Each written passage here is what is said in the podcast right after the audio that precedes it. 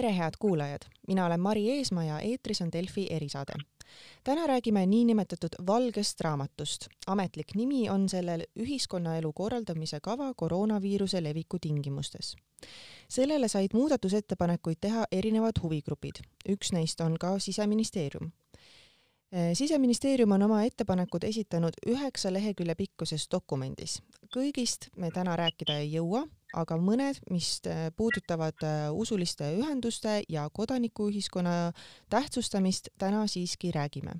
ja sestap ongi saate külaline Siseministeeriumi rahvastikutoimingute ja kodanikuühiskonna asekantsler Raivo Küüt, tervist! tere päevast! Siseministeeriumi esimene etteheide sellele selles ettepanekute rivis oli, et dokument on liiga kriisikeskne ja et selle asemel leiab ministeerium, et selgemini on vaja esile tuua kriisist väljumine. Raivo Küüt, kas oskate kommenteerida, mida sellega täpsemalt on silmas peetud?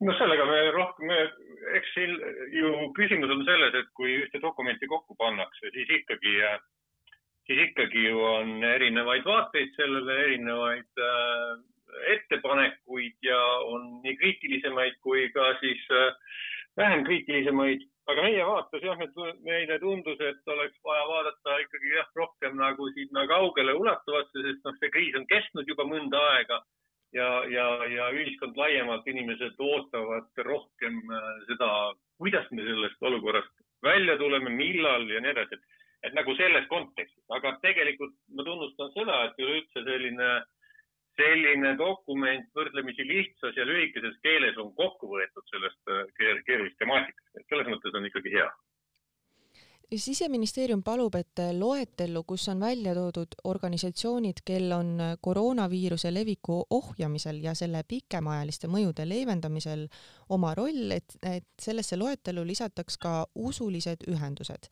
praegu on seal vaid äh, tööandjad, kauba- ja teenusepakkujad, koolipidajad ja avalike ürituste korraldajad miks leidis Siseministeerium, et just usulistel ühendustel on kriisi mõjude leevendamisel niivõrd oluline roll?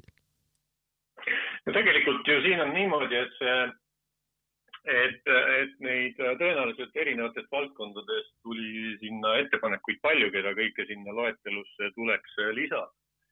et, et ma arvan, et, et see on nagu noh, paratamatu, et iga valdkond oma, oma teemadega sellistes asjades osaleb, aga tõepoolest eh, noh, me räägime usulistest ühendustest, siis tegelikult me räägime laiemast kodanikuühiskonnast, sest usulised ühendused on kodanikuühiskonna üks oluline osa. ja, ja, ja nüüd, kui me räägime usulistest ühendustest, siis nüüd just selle valge raamatu kontekstis ja selle, ütleme siis ka praeguse viiruskriisi, ütleme sellise nime talle, viiruskriisi kontekstis on usulistel ühendustel väga suur roll äh, inimeste aitamisel, äh, nende turvatunde hoidmisel, äh, vaimse tervisega tegelemisel, et see roll on hästi oluline. ja tegelikult ka ütleme siis sellistest, sellest olukorrast ka väljatulekul on usulistel ühendustel palju suurem roll, kui me võib-olla niimoodi väga kitsarinnaliselt ette kujutame, et ühele võib-olla inimesele tavaliselt äh, kangestub silma ette jumalateenistused, mis on siis need avalikud jumalateenistused, kus siis äh, minnakse kirikusse, äh, noh, inimesed lähevad kirikusse.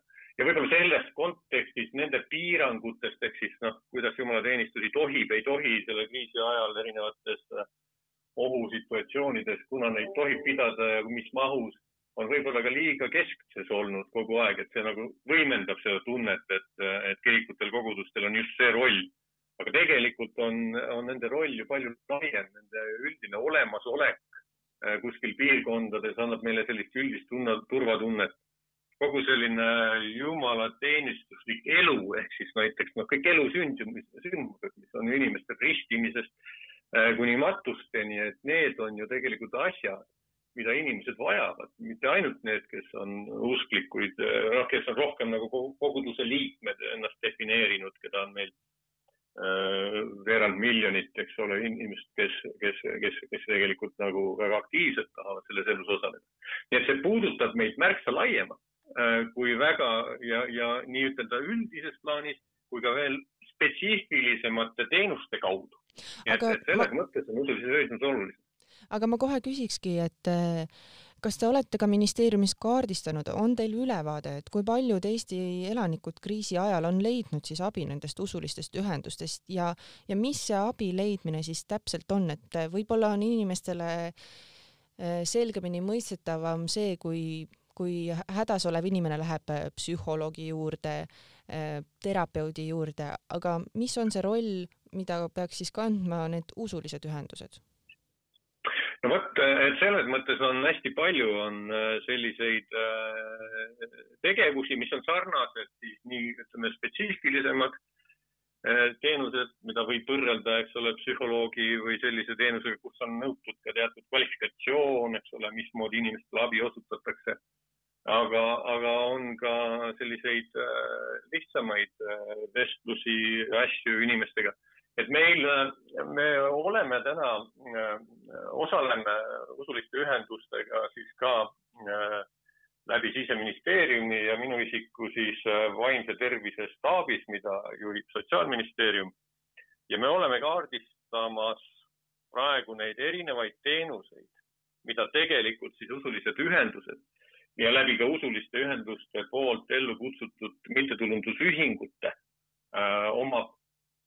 konkreetsemates piirkondades oma koguduse liikmetele, aga laiemalt kogukondadele pakutakse. meil see pilt on äh, praegu just kujunemas, me oleme sellise lihtsama või suurema pildi ette saanud, üldisema, aga see muutub just väga oluliseks äh, sellisel piirkondlikul tasemel, kohaliku omavalitsuse tasemel, et seal oleks tegelikult teada, millised võimekused, noh, võtame näiteks selle vaimse tervise teenuse et millised võimekused on sellel kogudusel selles piirkonnas olevatele inimestele äh, pakkuda. et need ei ole nagu, need on üldised, on nagu üle riigi ühetaolised, aga mõnes piirkonnas on nad erinevad, eks ole, ja, ja see teadmine seal kohapeal on just vajalik tekitada. ja, ja, ja samuti äh, siis ka ütleme, need teised teenusepakkujad, kes samasuguste asjadega tegelevad, et nad teaksid ja tegutseks omavahel võrgus aga mis on siis need nagu, aga mis ikkagi on, palun tooge konkreetselt välja need eh, nii-öelda teenused, mida saavad pakkuda usulised ühendused? No kõigepealt ongi, on eh, ju ütleme, kui kirik on meil olemas, ta on avatud, inimesed saavad sinna pöörduda, näiteks ka praegusel ajal, kui eh, olid, olid ähm, siis ähm, jumalateenistused olid keelatud või noh, piiratud, eks ole, neid, neid tohtis teha ainult äh, veebi teel, et siis inimesed, äh, aga kiriku uksed olid lahti, ehk siis inimesed ikkagi said minna, eks ole, kiriku äh, siis ähm, õpetaja juurde äh, ja oma muresid ja küsimusi seal arutada ja seda ka pidevalt toimub. sinna satuvad nii sõltlased kui muude, eks ole, erinevate hammasrataste vahele jäänud inimesed, et selline võimalus iseenesest on nagu olemas samamoodi on siis äh, diakoonia, ütleme, teenused, kus on äh, raskesti äh, siis äh, haigetele inimestele selliste teenuste pakkumine, transpordi pakkumised, noh, neid näiteid on hästi palju äh,. koolitusi, üritusi, mida noh, tehakse äh, nii vanematele, lastele, et sellised perenõustamised et selliseid asju on, on nagu üle riigi ja selle, noh, sellise täpsema pildi me just olemegi kokku panenud, et ma tahakski öelda, et jah, sellest teatakse võib-olla vähem või kuidagi nagu see ei, ei tule esile äh, üldises plaanis, aga kindlasti ka kohtade peal jällegi konkreetsetes piirkondades noh, ollakse rohkem teadlikud, et niisugused võimalused on olemas aga siiski, miks märgib Siseministeerium äh, lausa eraldi peatükina või alapunktina ära usulised ühendused, aga mitte näiteks siis äh, psühholoogide poolt pakutav abi? Äh, no veel kord, et, äh, et ma juba korraks mainisin, aga tõenäoliselt iga valdkond esitas oma ettepanekud, oma vald-, iga ministeerium nagu esitas oma ettepanekud, eks ole, millised võiks seal nagu kajastuda, et kui oli üks loetelu tehtud loetelus olid sarnaseid äh, nimetatud äh, eks ole, ühiskonna osasid, siis usulised ühendused olid väljas. sealt ka see ettepanek. Eesti Kirikute Nõukogu oli ka see, kes, kes ju sinna ettepanekuid tegi ja, ja meie, ka meile need esitas, nii et, et selles mõttes on see, on, on oluline. me ka Riigikantseleiga on läbi räägitud ja on arusaadav, et, et need loetelud tehtigi veidi üldisemad ja, ja mitmed asjad on sealt äh, nüüd välja jäänud, küll aga nendega arvestatakse ja nendes spetsiifilisemas tegevuskavades äh, noh, peavad need olema kajastatud. aga mida annab äh, usuliste ühenduste lisamine sellesse loetelu, millised hüved siis sellega peaks kaasnema?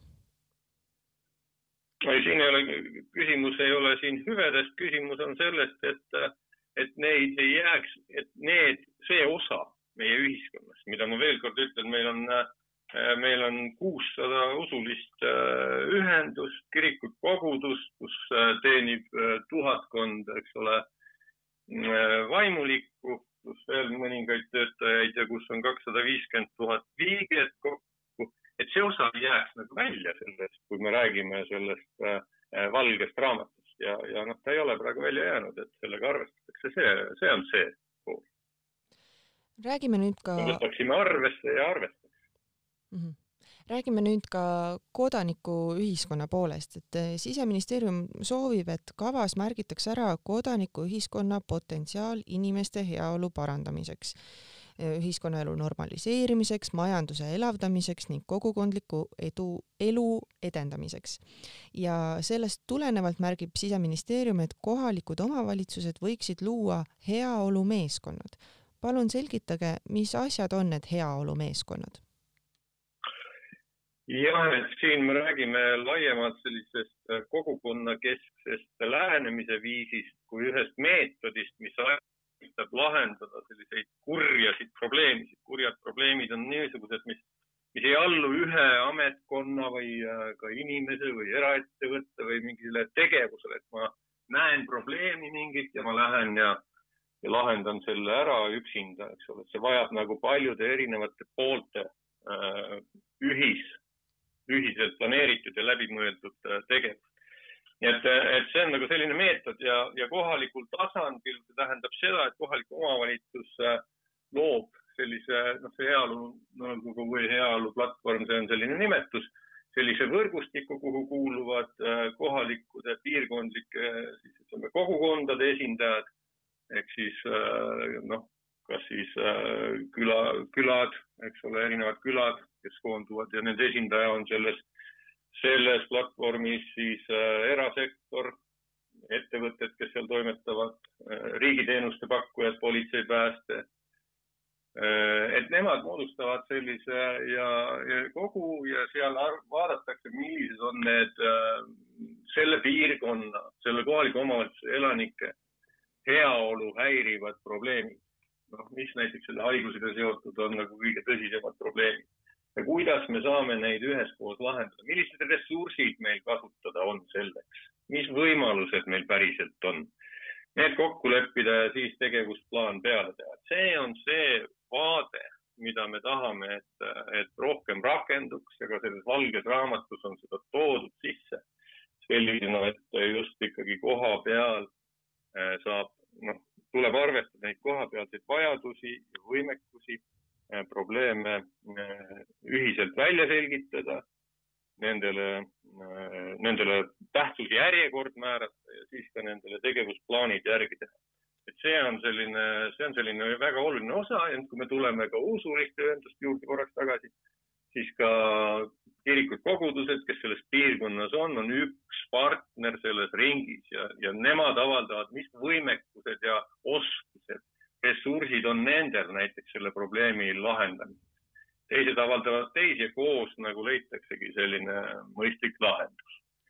nii et, äh, et see on just selline kõige olulisem, olulisem vaatenurk. Seda ideed oleme me kandnud siseministeeriumist juba siseturvalisuse arengukavas, möödunud arengukavas, see on ka uues arengukavas sees ja see on ka sees kodanikuühiskonna arengukava vaates Äh, mida me tahame ellu kutsuda. Te nimetasite, et heaolumeeskonnad peaksid hakkama tegelema niinimetatud kurjade probleemidega. Palun yeah. tooge välja konkreetseid neid nii-öelda kurje plaane, mis need täpselt on, näiteks? sellised probleemid, mis, mille mille lahendamiseks on vaja mitmete erinevate poolte äh, ühist pingutamist. ehk hästi lihtsaid, ütleme, lihtsaid niisuguseid näiteid võib-olla tuua on see, et, et kui näiteks kuhugile, kusagil on mingisugune koht, kus äh, sagedasti rikutakse võib-olla avalikku korda ja sellega seoses häiritakse paljude elanike rahulikku elu siis on tüüpiline mõtleme, et mõtlemine, et kutsume politsei, trahvime seal mõndasid, kes seal siis teevad ja arvame, et sellega on probleem läbi. homme on jälle sama asi, jälle politsei tuleb, ülehomme jälle, kaks aastat kestab see.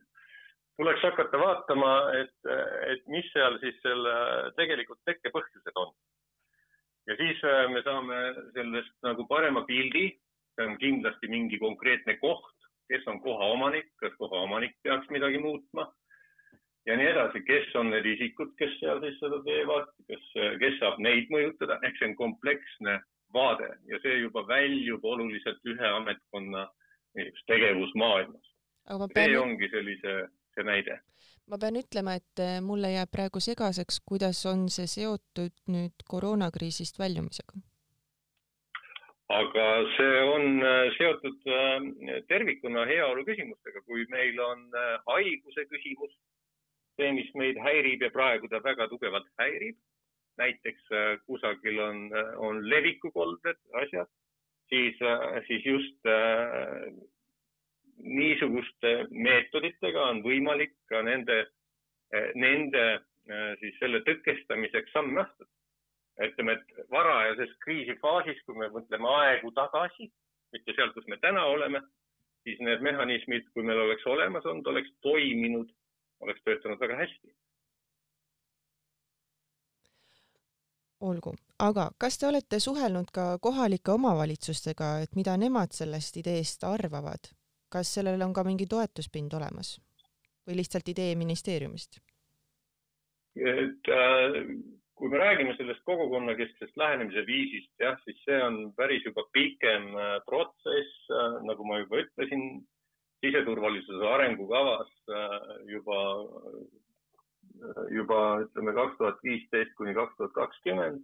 seal on jõutud sinnani, et on moodustatud heaolunõukogud äh, maakondlikul tasemel. Nüüd järgmine samm ongi liikuda edasi kohaliku omavalitsuse tasemele. meil on selles protsessis on kaasas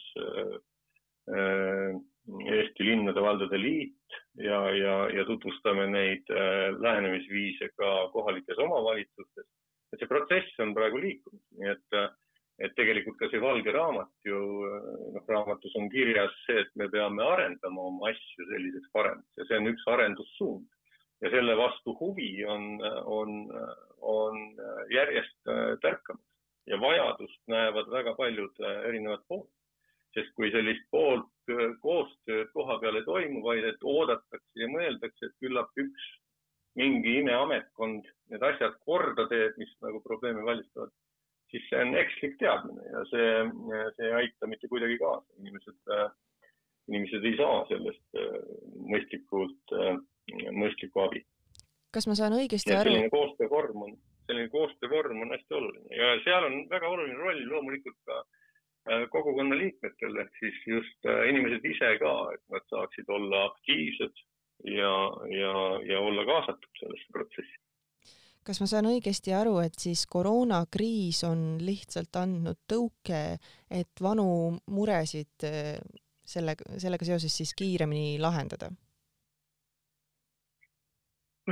No mured on meil ju kogu aeg, eks ole, et erinevad probleemid meid ju häirivad ikka ja need, milliseid, milliste mehhanismidega seda luua, siis jah, ja iga kriis annab mingisugust õpetust, eks ole, ja teadlikkust juurde, siis äh, jah, kuskil ollakse sellele rohkem vastuvõtlikud, otsitakse ikka meetmeid ja meetodeid, mismoodi äh, toimida efektiivselt ja, ja see on üks mehhanism ja meetod, mis, äh, mis on väga oluline, millega niisuguseid kompleksseid probleeme lahendada. koha peal just. kas kuskil Eestis on ka mõni heaolumeeskond juba moodustatud?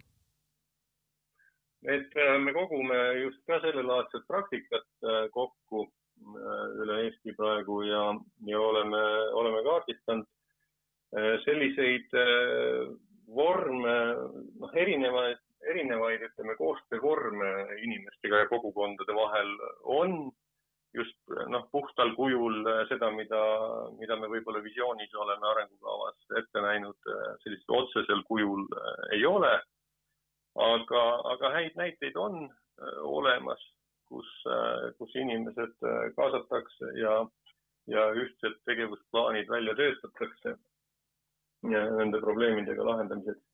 nii et, nii et jah, sinna suunda liikumine käib olgu, olgu siis nii, aga igatahes selline sai äh, tänane Delfi erisaade. saate külaline oli siseministeeriumi asekantsler Raivo Küüt, mina olen Mari Eesmaa, aitäh, et kuulasite ja kuulmiseni